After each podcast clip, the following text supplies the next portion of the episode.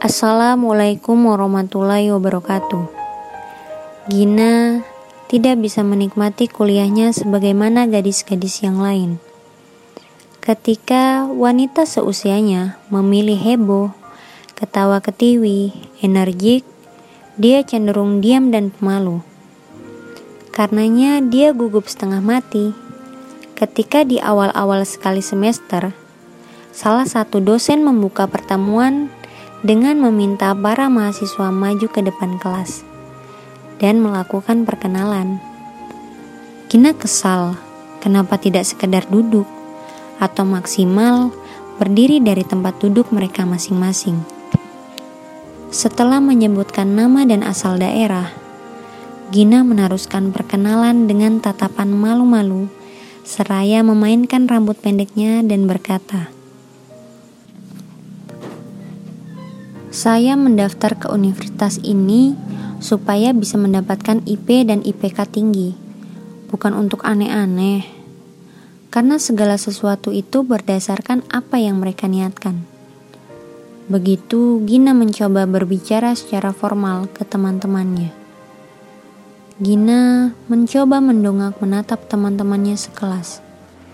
Begitu kaget dirinya ketika melihat salah satu mahasiswi yang duduk di deretan bangku tengah, mengenakan jilbab pink muda, menatapnya dengan senyum yang begitu lebar.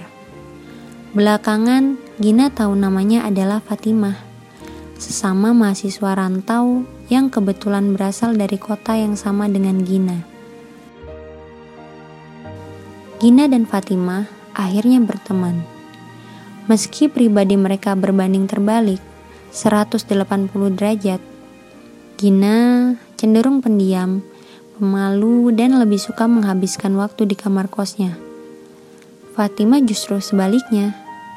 Dia cenderung banyak berbicara, mandiri, dan banyak sering mengikuti kegiatan di kampusnya. Gina merasa membutuhkan Fatima karena dia merasa lebih nyaman dan aman menjalani kehidupan rantaunya selama kuliah. Fatima sering memberikan banyak rekomendasi barang-barang perabotan anak kos dengan harga murah. Dan tidak jarang menemani Gina pergi belanja. Fatima juga sering mendampinginya saat dia kebingungan mengerjakan tugas kuliah. Gina akhirnya juga bisa mengenal banyak tempat-tempat Instagramable juga karena sering diajak oleh Fatimah Gina dilahirkan dan dibesarkan dari ayah dan ibu yang cukup protektif. Dia adalah bungsu yang memiliki dua kakak laki-laki. Jadi, dari masa kecil hingga SMA, Gina cenderung bisa mendapatkan apa yang dia inginkan tanpa harus bersusah payah. Anak putri satu-satunya. Ayahnya lebih sering pasang badan ketika Gina mengalami masalah-masalah dalam masa pertumbuhannya. Akibatnya, Gina cenderung lebih apatis, lebih suka berjam-jam membaca, dan menonton video, serta acara televisi di kamarnya yang dilengkapi wifi. Urusan menyapu, menyetrika, memasak, dan sebagainya sudah diselesaikan ibunya. Apalagi Gina cenderung gadis yang cerdas. Selama tugas sekolah bukan mengenai kegiatan observasi atau kegiatan yang bersifat pergi keluar, Gina cenderung bisa menyelesaikannya tanpa hambatan. Maka dari itu, ketika dia harus kuliah luar kota dan merantau, Gina merasakan sebuah tantangan besar yang menghadangnya. Hidup sendiri, harus bisa mengerjakan semua hal sendirian, bagi Gina itu adalah hal baru. Karenanya, kehadiran Fatimah dirasa cukup membuatnya lebih mudah. Sobat inspirasi, cara kita dididik saat belia sangat mempengaruhi cara kita menghadapi kehidupan ketika sudah beranjak dewasa. Nabi Muhammad SAW setelah ibundanya meninggal ketika usianya masih enam tahun, pengasuhan beliau selanjutnya diserahkan kepada kakeknya, yaitu Abdul Muthalib. Beliau adalah pemimpin Quraisy yang sempat menghadang pasukan Gajah Abraha ketika Ka'bah hendak diserang. Abdul Muthalib ini begitu sangat menyayangi Nabi Muhammad bahkan sejak beliau dilahirkan. Karena Nabi Muhammad ini seakan seperti menggantikan kehilangan putra kesayangannya yaitu Abdullah. Tapi nyatanya bukan sikap protektif dengan memanjakan yang Abdul Muthalib lakukan. Abdul Muthalib ini mengajak Muhammad ke ruangan khusus pemimpin Quraisy, di mana dia malah membiarkan Muhammad duduk di kursi singgasananya di saat anak-anaknya seperti Abu Talib, Hamzah, Abbas dan Abu Lahab dan yang lain takut untuk duduk di situ. Ketika anak-anaknya menanyakan hal itu, Abdul Muthalib hanya menjelaskan bahwa dia membiarkan Muhammad kecil duduk di situ karena kelak dia akan menjadi seorang pemimpin besar. Dan dari sanalah Nabi Muhammad sering diajak dalam pertemuan-pertemuan besar. Dari sanalah dirinya mulai merekam cara berbicara Abdul Muthalib. Yang tidak banyak tetapi sekalinya berbicara begitu berwibawa dan mengandung kebijaksanaan. Lalu juga cara berpakaian, gestur, dan mentalitas Abdul Muthalib dalam memimpin. Dua tahun lamanya hidup dalam bimbingan seorang pemimpin besar Mekah membuat Nabi Muhammad lebih familiar dalam majelis-majelis yang dihadiri para pemimpin menyerap berbagai pelajaran dan menyimak bermacam ilmu dan hikmah yang mengalir dari pembahasan-pembahasan mengenai kota Mekah. Maka, sebenarnya pendidikan di masa kecilnya bersama Abdul Muthalib memiliki peran yang cukup besar. Dalam penelitian neurologi, otak manusia itu bisa merekam semua kejadian dari dia bayi hingga saat dirinya hidup sekarang. Yang tidak kita punyai adalah kemampuan untuk mengeluarkan keseluruhan memori tersebut. Artinya, ada yang kita ingat dan ada pula yang kita lupa. Maka, dalam cara kita mengasuh, hendaknya harus penuh dengan hal-hal yang baik, supaya ketika ada yang diingat, maka kemungkinan yang diingat adalah hal-hal baik lebih bisa terjadi. Pengamatan seorang anak atas kedewasaan, kematangan, dan kewibawaan orang tua akan membentuk cara dia bersikap di masa depan. Seperti yang kita tahu, orang tua adalah sekolah pertama bagi anaknya. Maka, apa saja yang dilakukan orang tua, itulah yang akan diikuti oleh anaknya. Pentingnya pembentukan konsep diri sejak dini, yaitu pembentukan karakter sejak dini akan mempengaruhi sikap dan mental anak di kemudian hari. Penting untuk orang tua, ayah maupun ibu, untuk memberikan contoh yang baik bagi anaknya sejak dini.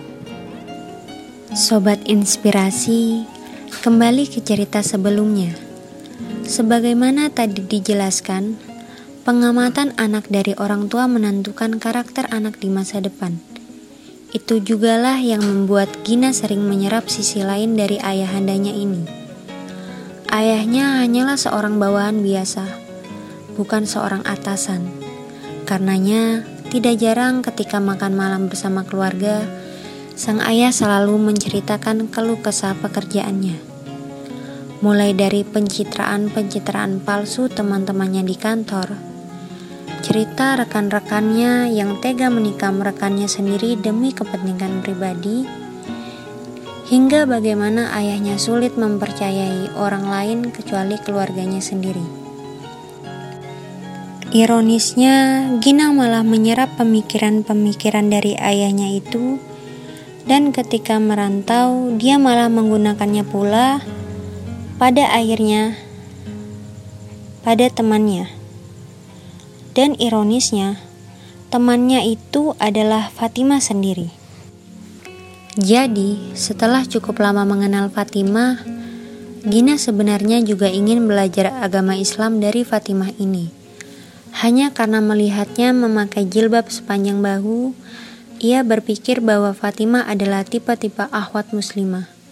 Setidaknya itu yang ada di angannya sampai dia mulai mempertanyakan kesimpulan yang dia buat.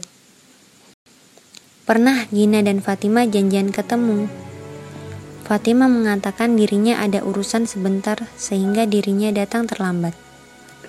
Ketika mereka ketemuan, Gina melirik sekilas dan mendapati ada setangkai bunga mawar yang terselip muncul di sudut resleting tas bahu yang dikenakan Fatimah. Gina menduga urusan sebentar yang disampaikan Fatimah adalah bertemu dengan seorang laki-laki. Pernah pada suatu ketika Gina meminjam laptop Fatimah. Fatimah saat itu sedang pergi ke belakang. Ketika secara tidak sengaja Gina salah mengklik tab browser dan malah membuka WhatsApp web Fatimah yang lupa ditutup. Di situ pandangannya tertuju pada salah satu chat Fatimah dengan salah satu orang yang hanya nampak nomor smartphone-nya saja. Di situ, betapa kaget Gina ketika membaca isi pesan itu. Adalah kata-kata yang bersih umpatan, makian, dan ungkapan-ungkapan kemarahan. Lalu juga pernah pada suatu hari Gina dan Fatimah pergi ke sebuah mall. Fatima terlalu asik memilih baju sampai Gina bosan menunggu dan meminta izin ke Fatima untuk pergi duluan ke konter buku di seberangan. Gina lebih suka melihat buku-buku daripada mengamati desain busana dan warna-warna kain seperti yang Fatimah lakukan. Namun, Gina tidak menemukan buku yang menarik. Setelah membuka beberapa sampel buku dari rak ke rak, yang ada dia malah mengantuk sehingga harus pergi ke toilet untuk mencuci muka dan menyegarkan kembali pandangannya. Gina kemudian bertemu kembali dengan Fatimah, yang dari tadi masih berada di toko busana itu. Akhirnya, setelah harus menunggu beberapa menit, Fatimah membeli setelan busana dan bersiap meninggalkan mall. Hari sudah lewat maghrib dan hampir menuju isya. Gina mengira setelah ini Fatimah hendak pergi ke musola mall untuk sholat. Tapi di luar dugaan, dirinya malah mengeluarkan smartphone dan memesan mobil antar lewat aplikasi online. Padahal perjalanan dari mall ke kosan mereka di bilangan kampus bakal memakan waktu hingga lewat isya. Pikiran Gina mencoba merangkai peristiwa-peristiwa sebelumnya. Sampai pada ingatannya, ketika pertemuan mereka berdua adalah saat Gina memperkenalkan diri dan Fatima tersenyum lebar. Benarkah dia tersenyum tulus? Atau jangan-jangan itu adalah senyuman yang muncul karena menahan rasa nyir-nyir dari ucapan perkenalan Gina waktu itu yang mungkin diartikan Fatima adalah sebuah kesombongan. Jadi, sebenarnya siapakah Fatima ini? Saya Rania Wafa dari Semarang untuk inspirasi Nabi. Terima kasih atas perhatiannya. Wassalamualaikum warahmatullahi wabarakatuh.